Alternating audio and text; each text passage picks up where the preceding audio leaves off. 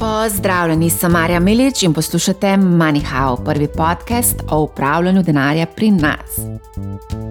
Tokrat gostim američana italijanskih korenin, rojenega blizu slovenske meje in ime mu je Mario Gobo. Mario je med drugim tudi predsednik nadzornega sveta Cinkarne Celje. Z družino sicer živi v Washingtonu, Slovenijo pa obiskuje oziroma posluje tu vse od leta 1988. Preden gremo na pogovor, bi mogoče samo za uvod predstavila, kdo Marijo je. Marijo ima več desetletij izkušenj na svetovnih finančnih trgih. V svoji dolgoletni karieri je deloval v več mednarodnih finančnih inštitucijah, med drugim v investicijskem bančništvu pri Lazard Brothers v Londonu, kjer je bil odgovoren za področje prevzemov in združitev ter finančnega svetovanja v srednji in vzhodni Evropi s podarkom na farmaciji in energetiki. Vodil je tudi ekipo na področju bioloških znanosti v New Yorku, kjer je sodeloval v procesih uvrstitve farmacevtskih in biotehnoloških družb na borzo Nasdaq. Mario je prav tako vzpostavil oddelek za neposredne lasniške naložbe v podjetja, aktivno na področju bioloških znanosti pri mednarodni finančni korporaciji IFC ter podružnici Svetovne banke za zasebni sektor.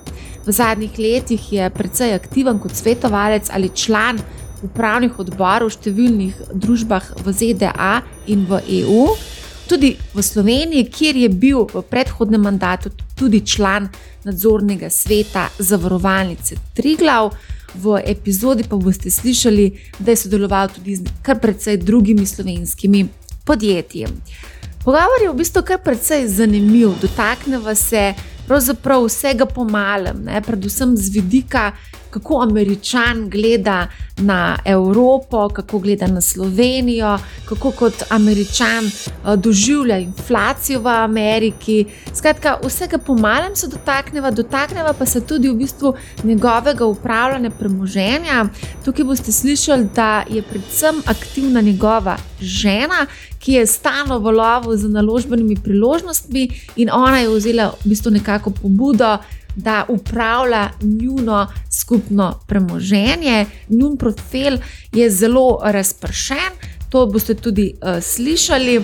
Drugače pa Marijo obžaluje, da ni že prej bolj aktivno začel z upravljanjem svojega denarja. Zanimivo je seveda tudi pogled eh, na dogajanje v Ameriki, odgovarja tudi na vprašanje, ali je Amerika še vedno država, kjer se uresničijo sanje. Odgovarja tudi na vprašanje, ali, ali so američani v luči zadnjih dogodkov bolj razcepljeni, razdeljeni eh, kot narod. Eh, odgovarja tudi, seveda, kako je živeti v Ameriki v okolju povišene inflacije. Pred časom smo se pogovarjali in rekel, 4. julija konkretno, uh, smo se pogovarjali in rekel, da američani še ne doživljajo recesije. Danes je povsem drugačna zgodba. Številni američani s strahom gledajo, kaj se bo zgodilo.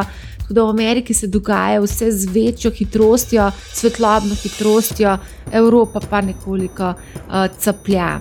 Zanimiv pogovor, priporočam, da ga poslušate. Pogovor je zopet posnet v angleškem jeziku. Pogovor bom objavila tudi na YouTubu, kjer v bistvu lahko uh, si na, na, nastavite podnapise. Uh, tako da transkripcija angliških uh, podcastov je na voljo na YouTubu. Tako da želim vam prijetno poslušanje. Hi, Mario. Great to have you on the show. Hello, Maria. Pleasure being here. Um, yesterday, we had a nice lunch. To be honest, I learned a lot about you. You are American with Italian heritage. Your family is from a small village near Slovenian border, but you were born in Sri Lanka. You speak Italian, Spanish, French, read Portuguese, and understand Portuguese, and speak a bit of Russian. It's quite a nice collection of languages. I try. I try. try. I think I was lucky in uh, living in many places. You're currently in Slovenia because Cinkarna Celje management presented its half yearly business results.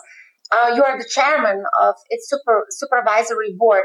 Before that, you were a member of supervisory board of Zavarovalnica Triglav, but you have been visiting Slovenia on business since 1988. That's correct. How did American from Maryland, Washington land on the supervisory boards of Slovenian blue chips?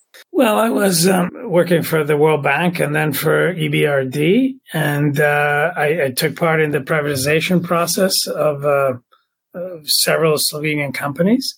So I work with the Sklad and the Agencia of uh, the Republic of Slovenia. And uh, uh, then, as an investment banker uh, with Lazard Brothers out of London, I was responsible for Central and Eastern Europe and um, and worked with many Slovene companies uh, from Petrol to Cinkarna to Krka, Lek, Telecom Slovenia. We, we did a uh, syndicated uh, bond uh, issue for Telecom Slovenia. And so uh, at one point, uh, Mr. Andrej Slapar asked me to be on the board of uh, uh, the supervisory board of, of Triglav. And that was about nine years ago. And then I, you know, after eight years, I, I left the board. And about two years ago, I joined the supervisory board of uh. And then I was made the chairman of the supervisory board.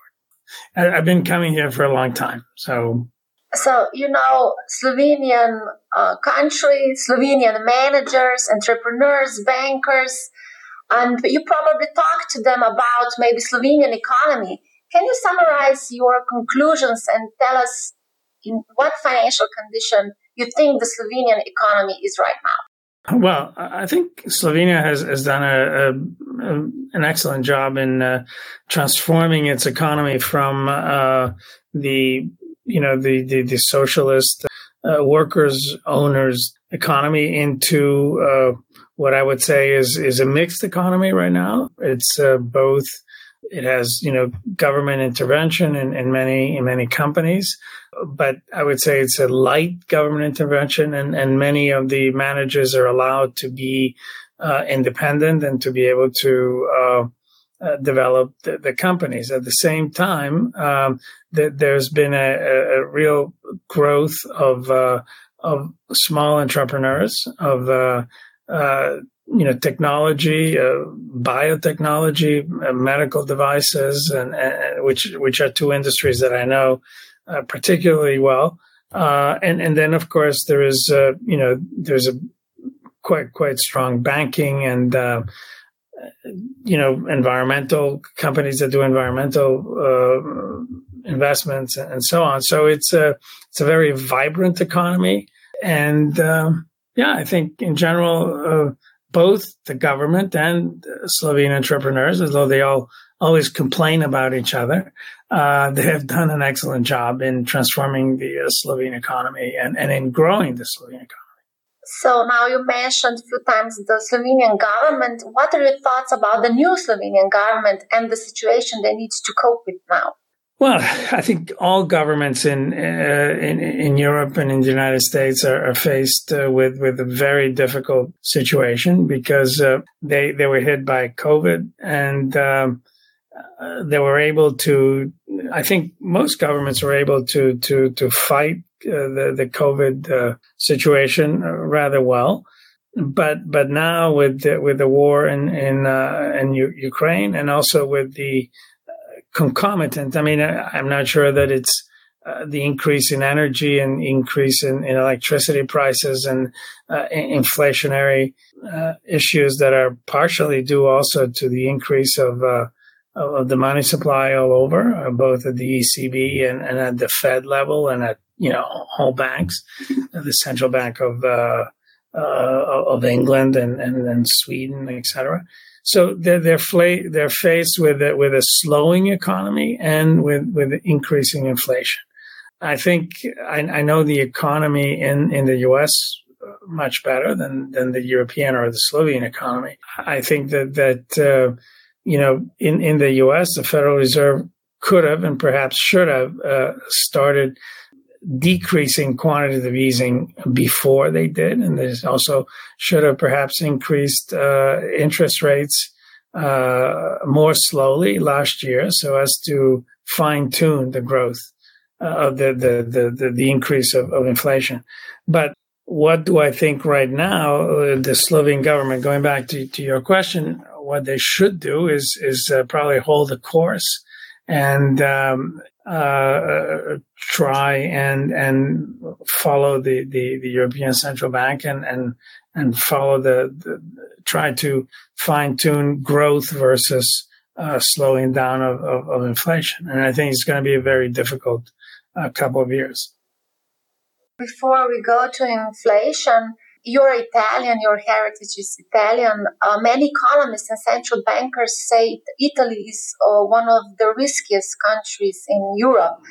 And there is um, also a lot of political drama. And just today I was looking at the Italian bonds, yields went up again.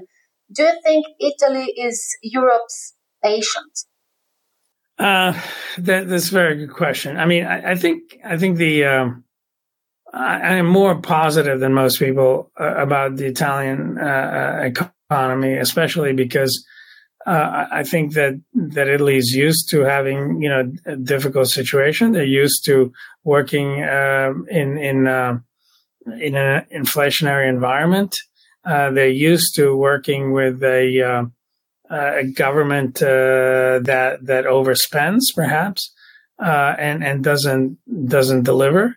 But I I think that uh, the the spread, which is you're referring to, um, between the uh, the Italian uh, Treasury notes and and the uh, is uh, overstates the danger of, of Italy, and I think this was shown uh, at the time. You know, when Mario Draghi said, "Oh, we'll do whatever it takes," uh, and and I think it's a little bit overblown right now. Yeah, I mean, I'm I'm very uh, conscious of the fact that that it looks like the, in Italy the, the Italian right is going to uh, win is probably going to win the election, which is I think unfortunate. I think that they'll muddle through, you know, if you know the expression to muddle through, as they've done in the past. Uh, going back to, to Slovenia, I think that it's it's very interesting that Slovenia is a bit uh, counter cyclical. In other words, uh, you had a, in, in Janša a uh, you know center right uh, government, and and now you have in Golob a center left government, uh, which is which is the uh, the opposite of what has happened you know in, in the last few years almost everywhere. So whether this is going to be a positive for the uh, Slovene economy or not, I really I will not venture a guess at this point.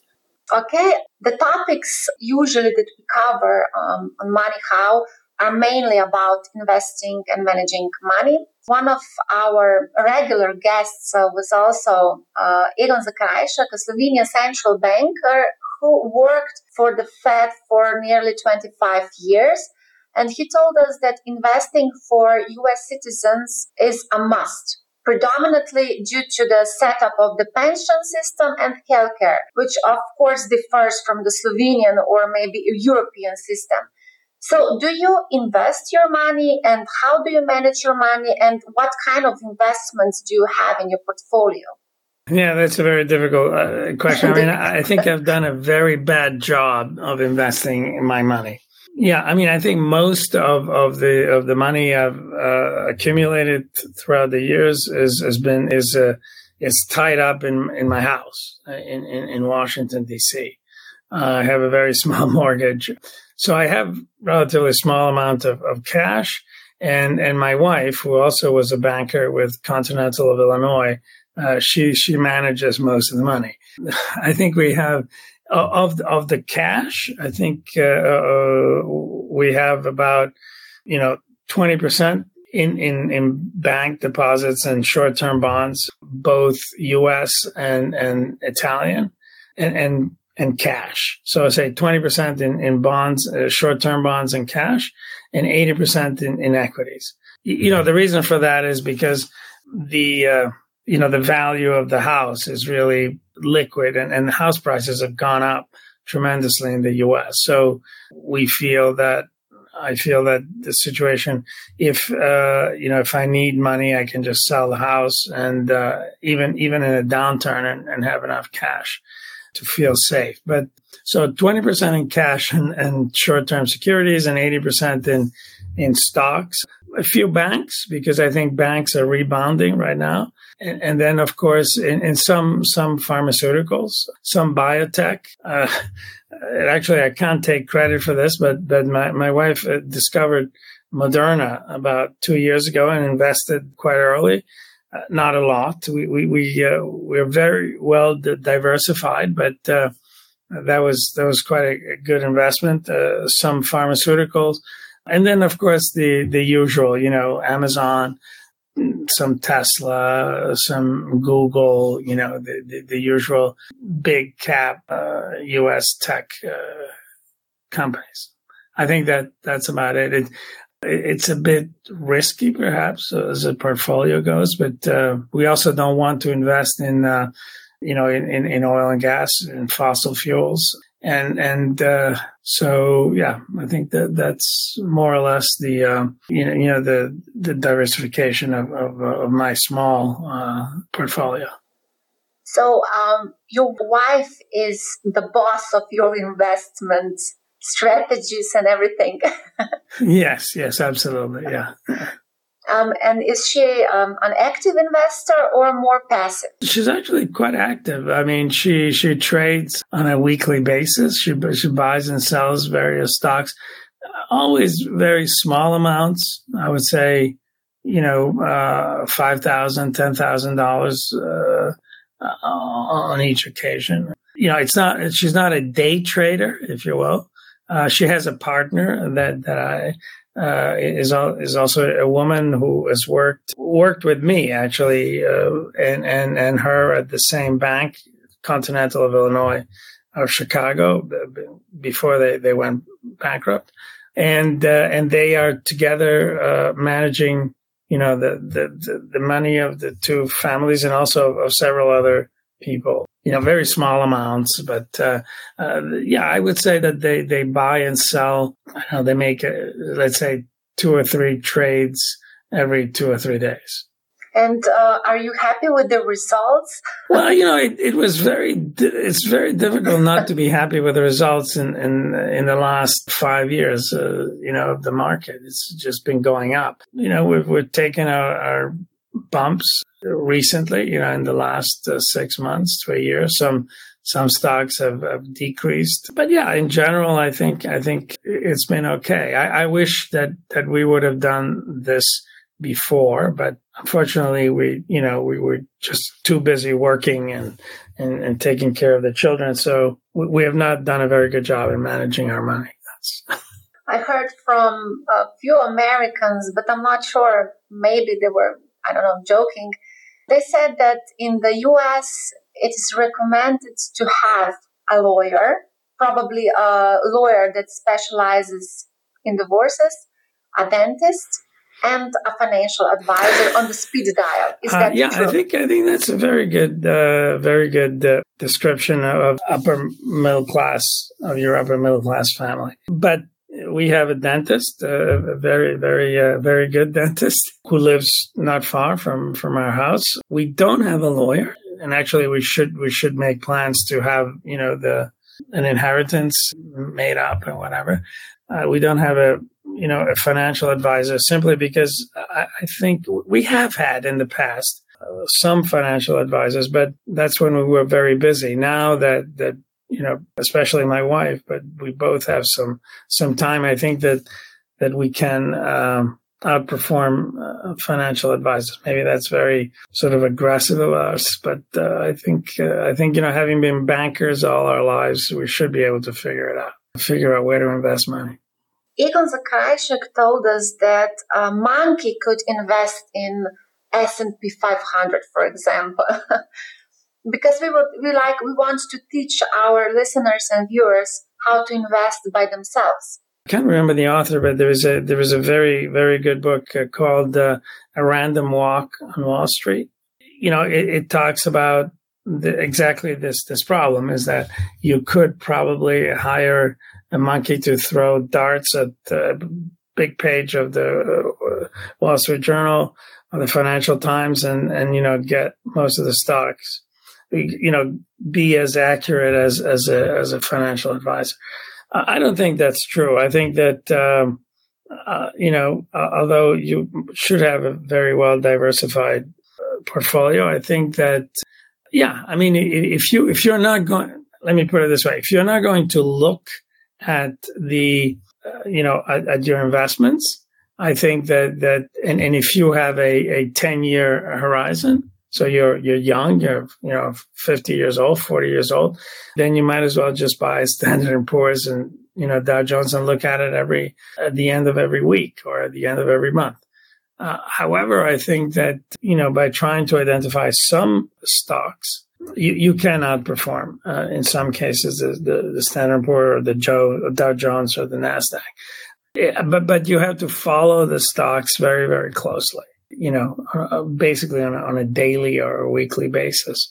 And, and you have to know a lot about the industry. For example, I, I would not, uh, you know, invest in, uh, in industries that I don't understand, like, like technology. I don't understand technology that well.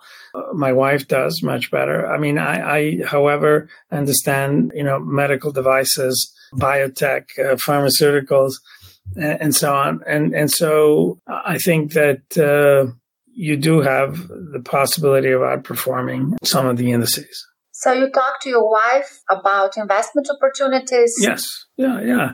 We t- yeah, we talk every every day. I mean, about investment opportunities. Yeah, I mean, not not very long, uh, but uh, yeah, we we we do. You know, if if we see uh, uh an article or an opportunity, then we discuss it, and then. But she decides whether to make the investment or not.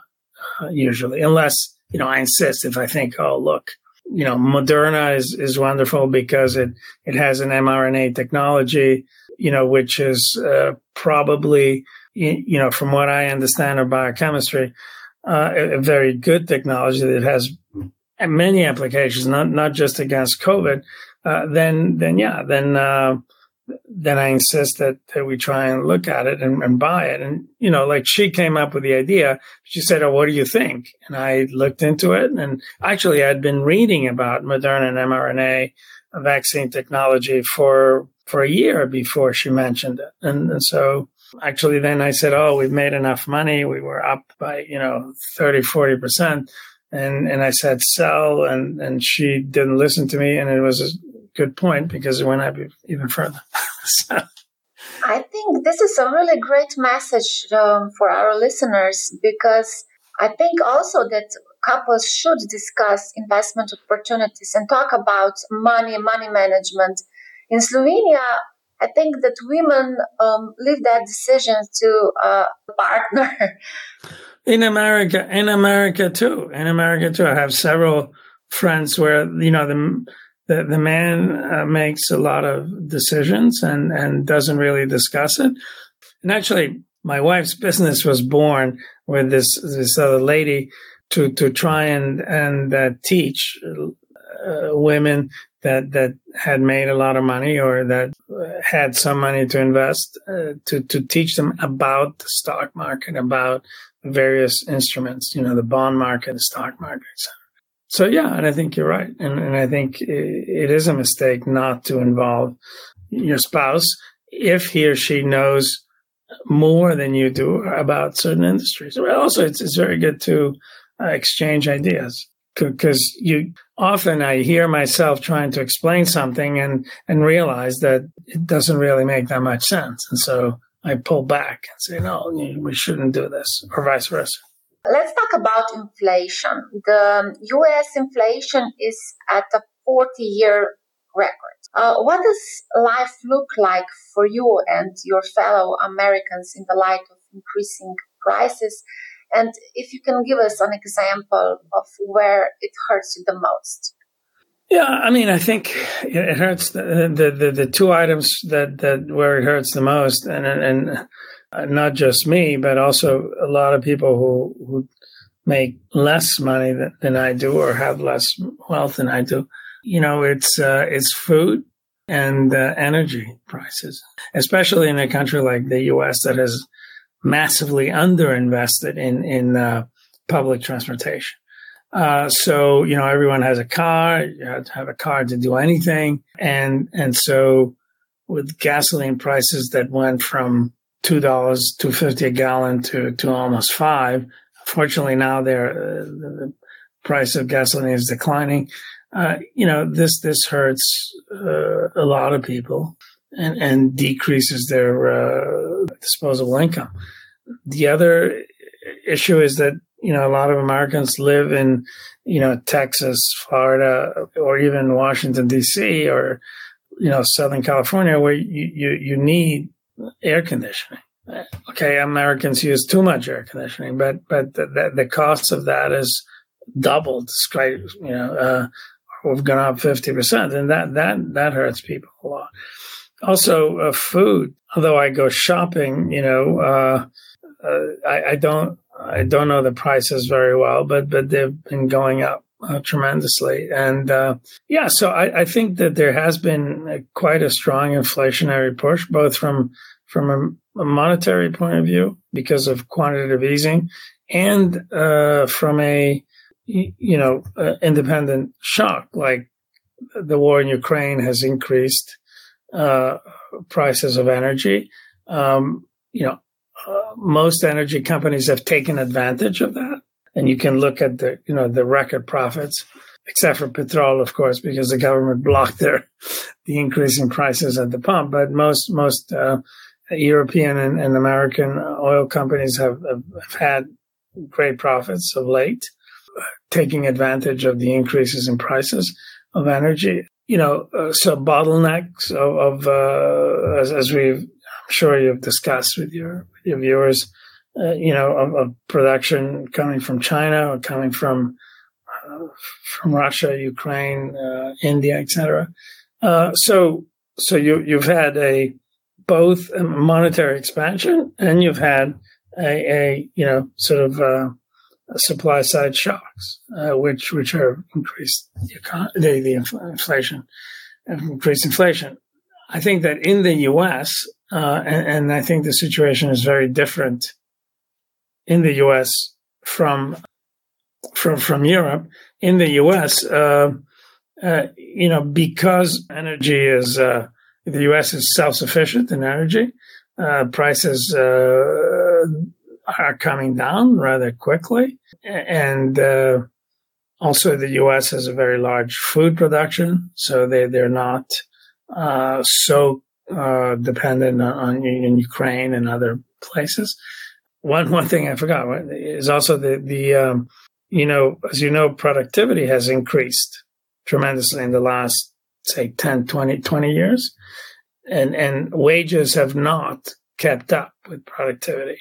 Wage increases are much lower than productivity increases.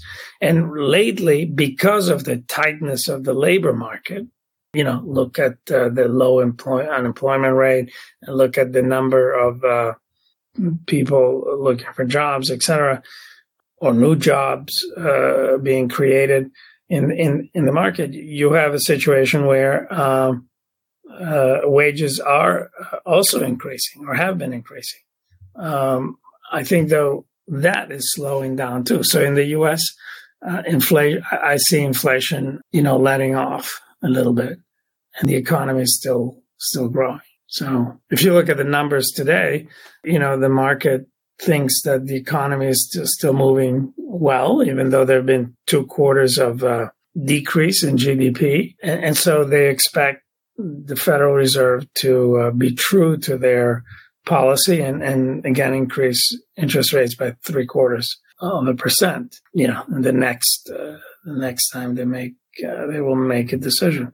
Um, nevertheless, Powell hinted that the Fed would continue to raise interest rates more aggressively. On the other hand, some of the prominent uh, members of ECB uh, believe that the right way is a moderate uh, raise in interest rate. Uh, Mario, you are a banker with uh, many years of experience. What do you think about the monetary policy conducted by the central banks? Whew, that's a yeah. I mean, first of all, I think the, as I said before, I think that the uh, the Federal Reserve should have uh, should have uh, slowed down quantitative easing earlier uh, than they did, and they should have increased rates before they they did, and also they should not have increased rates uh, as much as they did. Uh, if they had done it before, they would have not had to increase rates. The, the, the economy, however, you know, is, as I said, it is doing all right in the U.S. so far.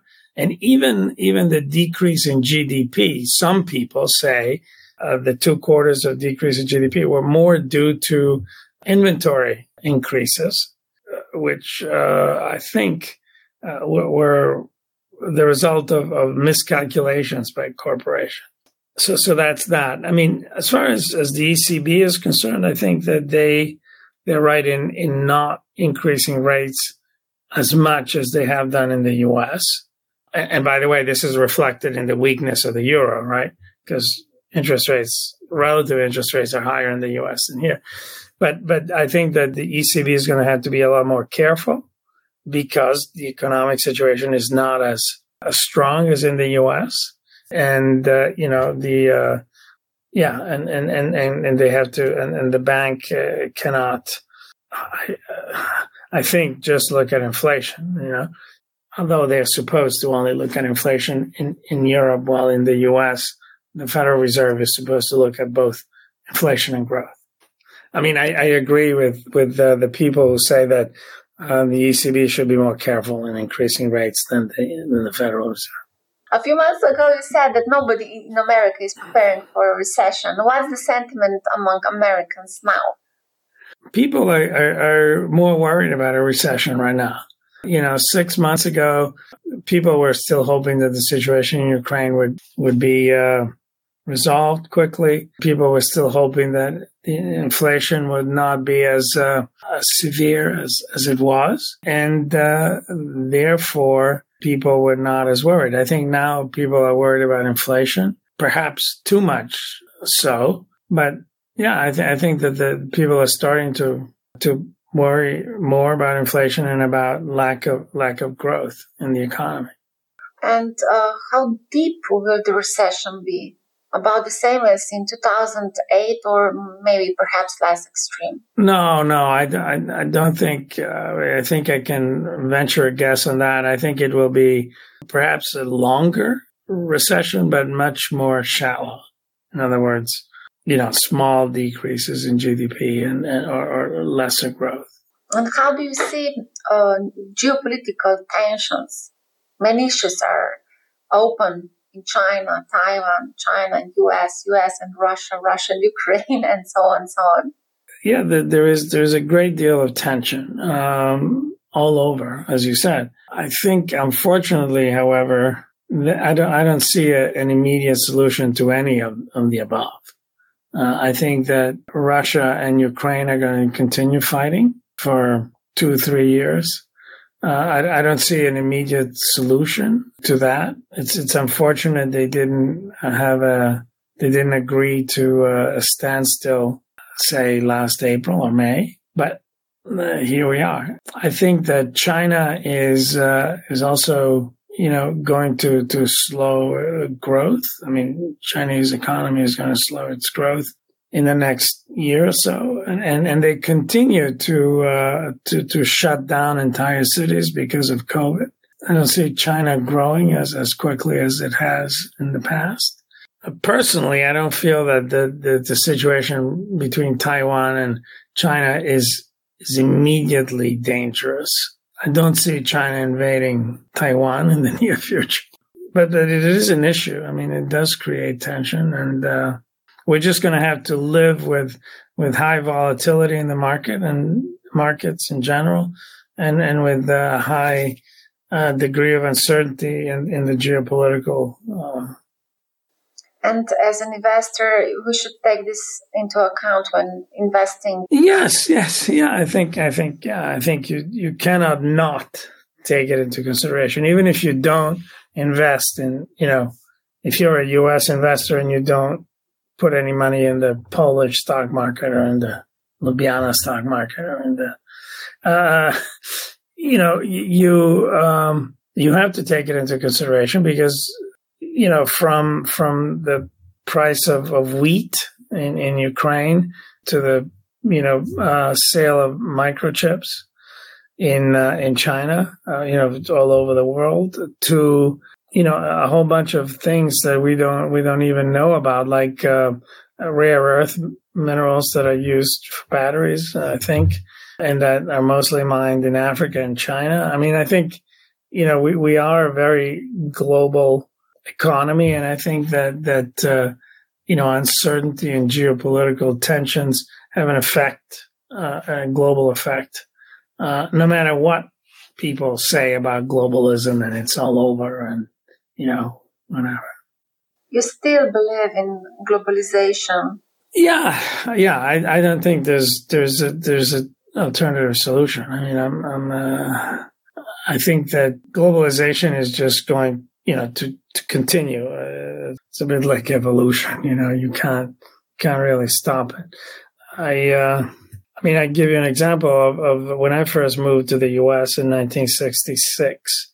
Uh, we moved to Boston, and and Boston was not doing very well because uh, most of the textile industry and shoe industry had moved to Tennessee, Alabama, you know, in, in the South of the U.S. And it took a long time for Boston and Massachusetts to recover, but then they did recover by you know increasing the insurance industry, banking industry, universities, you know, uh, IT, and now biotech. So now you know Boston is booming with a set of completely different industries than than it was before. But then the South, you know, did very well because of textiles and shoes and other manufacturing. But now everything has moved to to China or or to North Africa or to you know India. And and I think that that uh, you know this process is going to continue. So we just have to try and look at uh, you, you know try and foresee what what uh, changes are going to happen. But but I think that to say that globalization is over and you know each big block is going to retreat uh, into a uh, kind of a semi isolation isolationist isolationist economy is, uh, is is is not going to be the case. Unfortunately, it's not going to be the case. You mentioned euro before, and the weakness of euro and dollar is the king among currencies. How do you feel with the strong dollar in your pocket? Well, I think the the strong dollar. I mean, the the, the recent strength of the dollar is is a direct consequence of the uh, of the 275 and I think it was a 50% 50 basis point uh, increase in interest rates. And, and, the other the other problem is that the US is is growing more strongly and has been growing more rapidly and, and productivity has been growing uh, more rapidly in the US than in Europe. So yeah, it, it, it only makes sense that the euro has weakened a lot. I don't think, I think that now that the uh, ECB sees that they will have to increase rates, will, I think that this will result in, in a slight strengthening of the euro. But, you know, I have seen the euro at, uh, what was it, 80, 86 cents to the dollar. And I've seen the euro at one 70 or you know not i don't have the exact number. So you know it's a, it's a it's like a 100% change right almost. Say 80% fluctuation. And and uh, i think right now we, we are we are where we are uh, due to the you know geopolitical and and and uh, banking uh, you know central banking moves and uh, that that have happened in the last few years since 2009 you think Americans uh, will be more motivated to invest or visit Europe or invest in Europe com- companies? I think the U.S. you know will be more U.S. people will be more motivated to come to Europe for sure uh, with a one-to-one exchange rate. Whether the U.S. companies will be more motivated to acquire, I would say why not? You know, U.S. companies usually look at the growth uh, the potential profitability. And, uh, you know, there's a big difference between uh, acquiring, you know, a company at, uh, at, at 125 or 140 than at one to one, right? So I think, yeah, they will, they will start looking at it more and more seriously. I think Americans are these days more divided. Many, let's say, revolutionary things are happening in the US. Supreme, Supreme Court ruling on abortion, debates about gun ownership, the Trump investigation, record high inflation, student loan forgiveness, and so on and so on.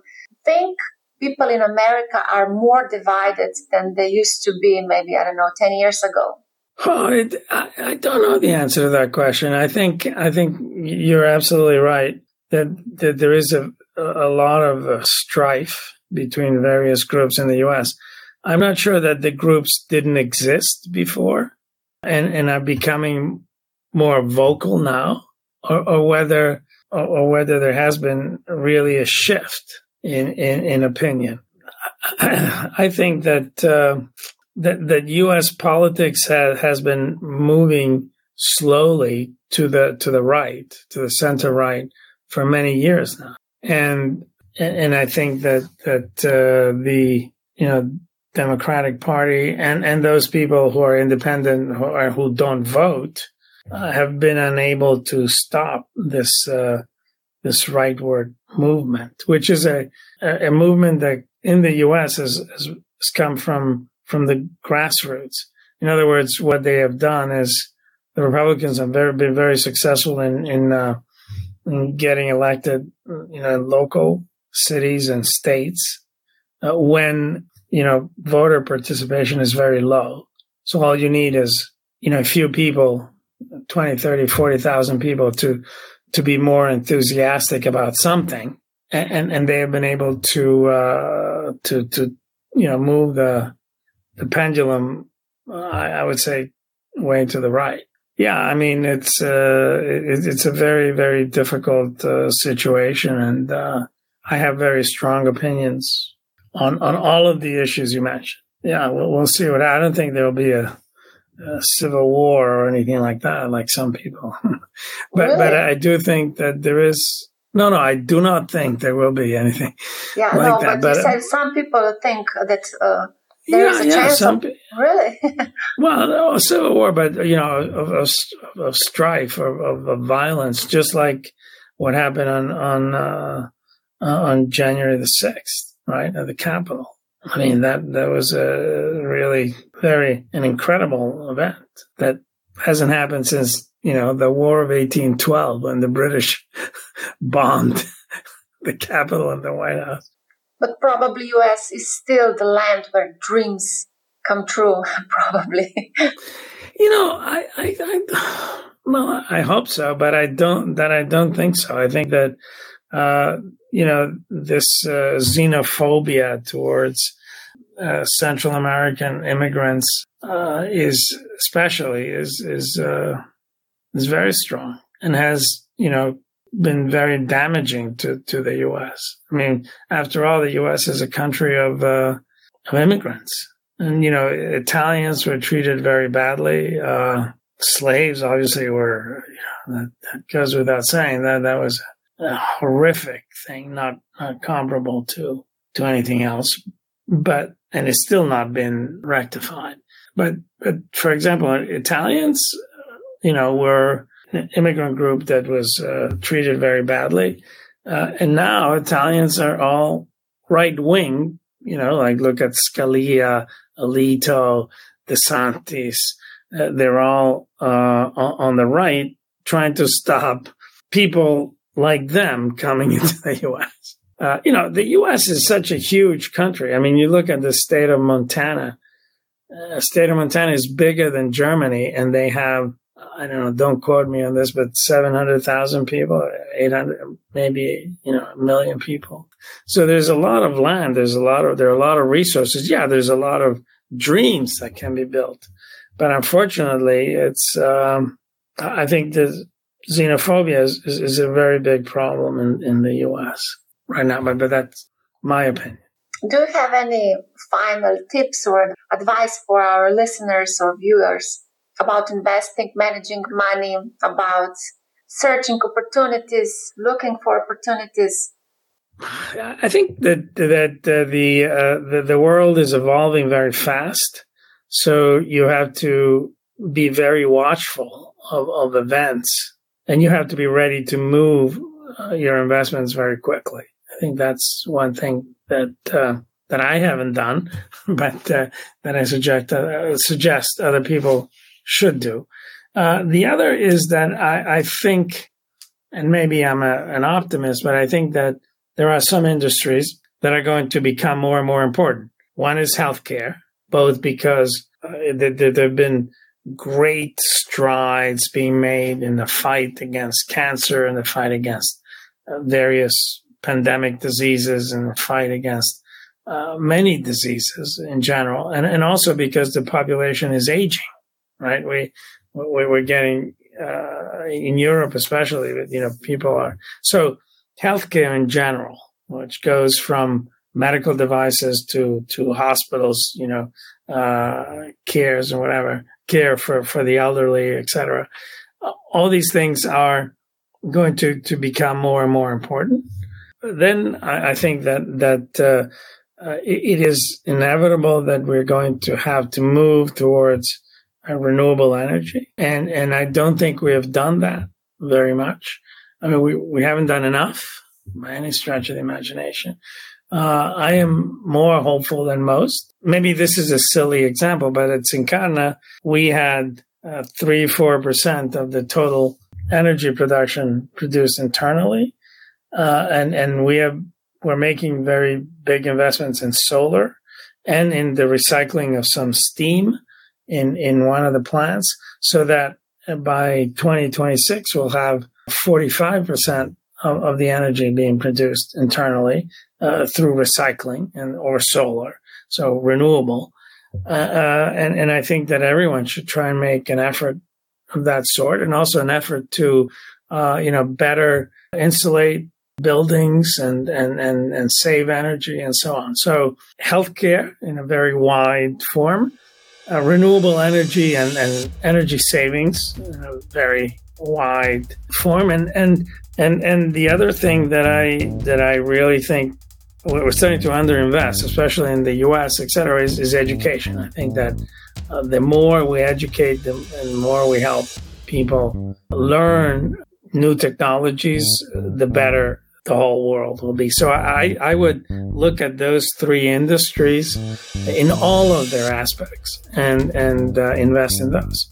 I think it's really great advice. Mario, thank you for interesting conversation and hope to talk to you soon.